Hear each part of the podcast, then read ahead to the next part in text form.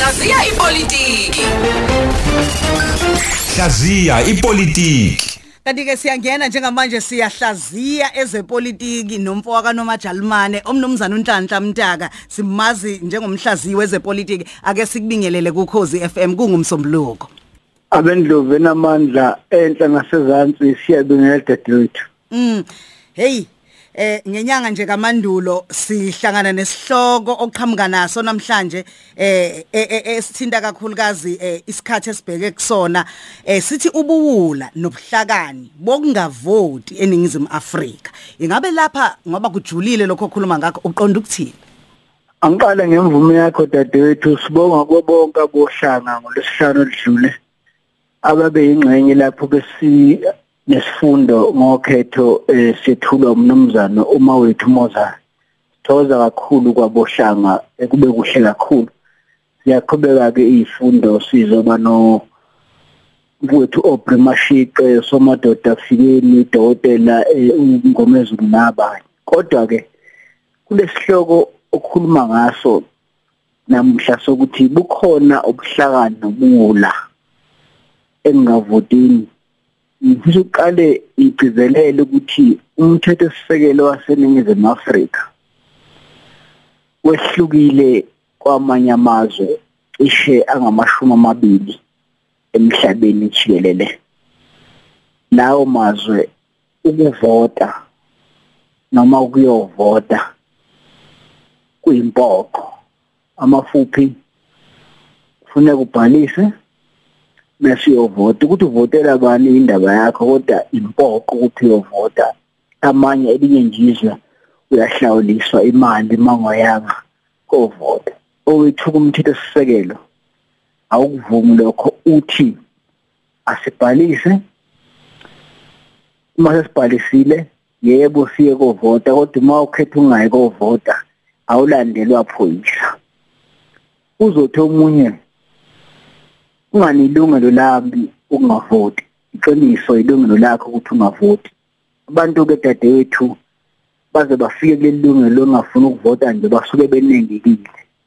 Abanye basuke bengaliboni iqembu noma umuntu abangamvotela ngenxa yokuthi abezwa. Lokho abafisa ukuzwa njengomvoti.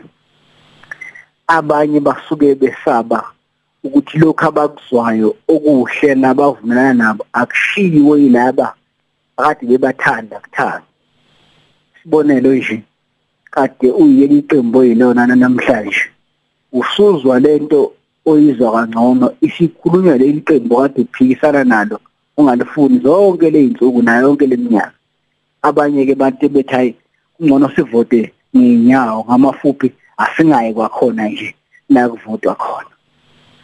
Ilungelo lakhona lelo. Abanye ke bayahamba bayekovota bese bethatha iphepha lokuvota kulona babhale yonke imgilingwane le bathula inhlamba benze konke. Konke lokho akekho umuntu obushwayo ngokwenza eboxini lakho. Kepha ke bukhona ubungozi lapho. Ubungozi balelungelo lakho lokungavoti nali nabo. Oqala njengoba ungavoti nje uyavota. Ngamafuphi umthetho waseNingizimu Afrika ufana nakwamanye amazwe la kufuneke abantu bavote kufike esibalweni esithize bese kuthiwa ayike kulungile. Lapha ngisho umuntu okwehlulayo njengeqembu angakuhlula ngevoti elilodwa uyobunqobile ngamafuphi kungenzeka ukuthi ekungavoteni kwakho lapha njena kwiwadi lakho kudingeka abantu abawu2500 kuya 6500 kwenzeka ukuthi ungavoti wena bese lo muntu ongamfuni noma iqembu ongalifuni linqoba nje ngevoti elilodwa. Lelo kungenzeka kube ngilakho ngamafuphi ikhona ingozi nongibula bokuthi uma usuthi awuvoti wena kanti uweza laba ongabafuni. Okwesibili noma ngabe uvotile noma awuvotile labantu asebephethe bazobe bedla kuyona imali yakho leyentela ngoba nje babehola nje. Bahola nakule yakho wena ongavotanga. Eh ngamafuphi akubasizi akukusizi ngalutho lokho ngoba oqala usuvotisa usuvotele ungaqondile umuntu obungamfuni ngoba leli qembu lakho noma lo muntu wakho obumfuna usesalelwe ivoti elilodwa lelo bengelakho kwesibili lo ongamfuni wokanye ozomondla yonke leminyaka emihlanu eyikhansela ngakho ke kuyafana. Into ongayenza uma ubona ukuthi eh ukhona inkinga kuleqembu lakho njengoba sihlale sisho nje zimbili izinto ongazenza. Eyokuqala ukuthi uvotele elinye iqembu ngoba akulona ihlazo kakhulukazi kohulumeni bendawo. Akulona ihlazo ukuthi uvotele iqembu elinye nokuthi nje uma umuntu uphila idingo zakho nezimfuno zakho ziyaguquka nsuku zaphuma. Akulona ihlazo ungakuthathi njengehlazo ukuthi awu namhlanje ngazuthi bengiyilela qembu namhlanje ngizwe ngazuthi ilona ilungelo lakho ngisho nalelo. Okwesibili umthetho sisekelo seNingizimu Afrika uma ubona ukuthi wena ke akekho ngoba khona abaze baliphimisa idadewethu lokuthi kubona bonke la bantu akekho noyedwa ngemizwayo kulungile ke umthetho sisekelo uyakuvumela ukuthi uma ubona ukuthi akekho umzwayo. Ungangena nawe. Lapha eNingizimu Afrika ke umthetho wakhona futhi uyisimanga ukuthi ngena uma uneminyaka nje u18 awukho la uvala khona ngisho ngane unganekhulu leminyaka ma usaphakamisela isandla nje dokuvotela sokudonsa ngekhumba uyobaphatha. Engamafuphi awusakwazi ukucashaya ukuthi hayi angivotanga mina mroza ngoba bonke labantu bakhuluma into engayizwa unganawo nelungelo lokungena lokhetho uhlaleleni uma ngabe khona impendulo oyibonayo wena kodwa uzizwa beyikhuluma bathi nawe unelungelo. Ngamafuphi? Lokhu kokungavoti. Yebo kuyilungelo kodwa kuhamba kuhambe kube yilungelo elinabo ubuwula ekugcineni ngoba kugcina kwenzeke lento obuthi awuyifuni ekuqaleni. Mm. Ngiyabuka nje obukhuluma nje eh, kunembono eminingi ehlukahlukene khona eh, oshoyo la uthi ayi yena eh, mina nje angisenalo ugqozi lokuvota ngoba thina la eh, uyashoka indawo yangakubo. Eh, uma sifuna idingo size siye emgwaqeni. Eh manje kushuthi ubona ukuthi hayi ukungavoti kuya ukuvota kuyafana mhlambe nokumchithela isikhathi. Ngibona omunye la uthi siblinyazwa njalo yibo abangavoti ngoba kusho ukuthi phela usanelisekile. Angazi kungaphawula uthini.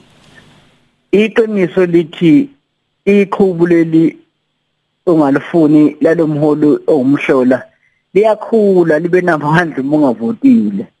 Eh into ofuna ngabe uyayenza wona njengomvoti njengoba sihlale sisho ukuvota yithuba lokubangula iva. Mongabe uhlatshwe umhlola ongenzi lutho onganenzeli lutho endaweni usuku lokuvota ke luthi banguliva manje uma uliyeka ivuthi hayi ngoba selukucasule kabi selukuphathe kabi isikhathi eside. Lizoqhubeka phela iva lihlale kuleyo ndawo. Wena hamba ubanguliva njengoba ngishilo nje. Esigabeni ukuthi manje sekuvaliwe kodwa ubunalo ilungelo ekuqaleni lokuthi uma ubona ukuthi bonke laba bantu ongabafuni noma ongabezwa bakhona nawe ungalingenela ukhetho unelungelo akekho ozokuvimba. Kodwa iqiniso njengoba ngisho ngedadewethu noma uyavota noma uvoti lo muntu ongamfuni ikhona indlela ezokwenzeka ukuthi akuphathe ngoba awushongo lutho okwesibili uyibuza uma ungavoti njengoba kuzovotwa nje. Ucabanga ukuthi kuyafuneka yini sikulalele? Mase kuvotiwe uma usuthi lo muntu esimvotele thina akalungile. Ungana uvotanga wena. Ngoba phela uma usuthi awuvoti uchaza ukuthi kulungile nginqelwa abaqhubeke naba nomuntu wabo. Uzongena kumhlola futhi ke enye into ebuhlungu lapha eningizimu Afrika dadewethu. Ayikho into ethi hayi sikuvotela izolo sesifuna ukukhipha kusasa. Ayikho incwadi yokuhlukanisa.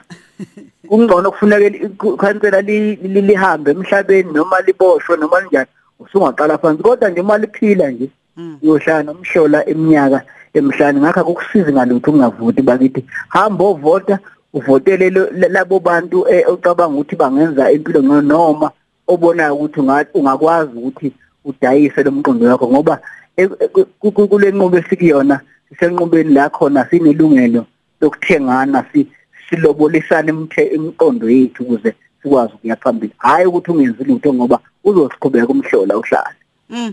Mhlawumbe nje kancane nje ngasekugcineni ngibona omunye uthi hayi yena kulokhu nje usebona ukuthi akungcono akangavoteli nje iqembu lepolitiki elithile okungcono kube yi-independent eh candidate. Angazi ke ungaphawula uthini lapho? Usiyamba kunjalo akhona maningi. Okunye kufanele kulungiswe akuvotelwa abantu. Lento lento sidlala inkulumo engekho nje ekhulunywa abantu into inkulumo yasemashwaleni ukhetha kulona lesopolitiki ukhetho labantu abangakwazi ukuthi bayoshaya umthetho. Amaqembu epolitiki angena ngoba amaqembu epolitiki nawe ungelona iqembu kakhulukazi kohulumeni bendawo kuzokwenzeka futhi nakuzwe lonke sivumile inkantolo uyakwazi ukuyisukela nje umbrozo ukuthi cha mina ngibona ukuthi angihlangene naqembu. Yebo baningi labo bantu sisazokhuluma ngolwesihlanu nje mase sinomfowethu udokotela ngomezulu.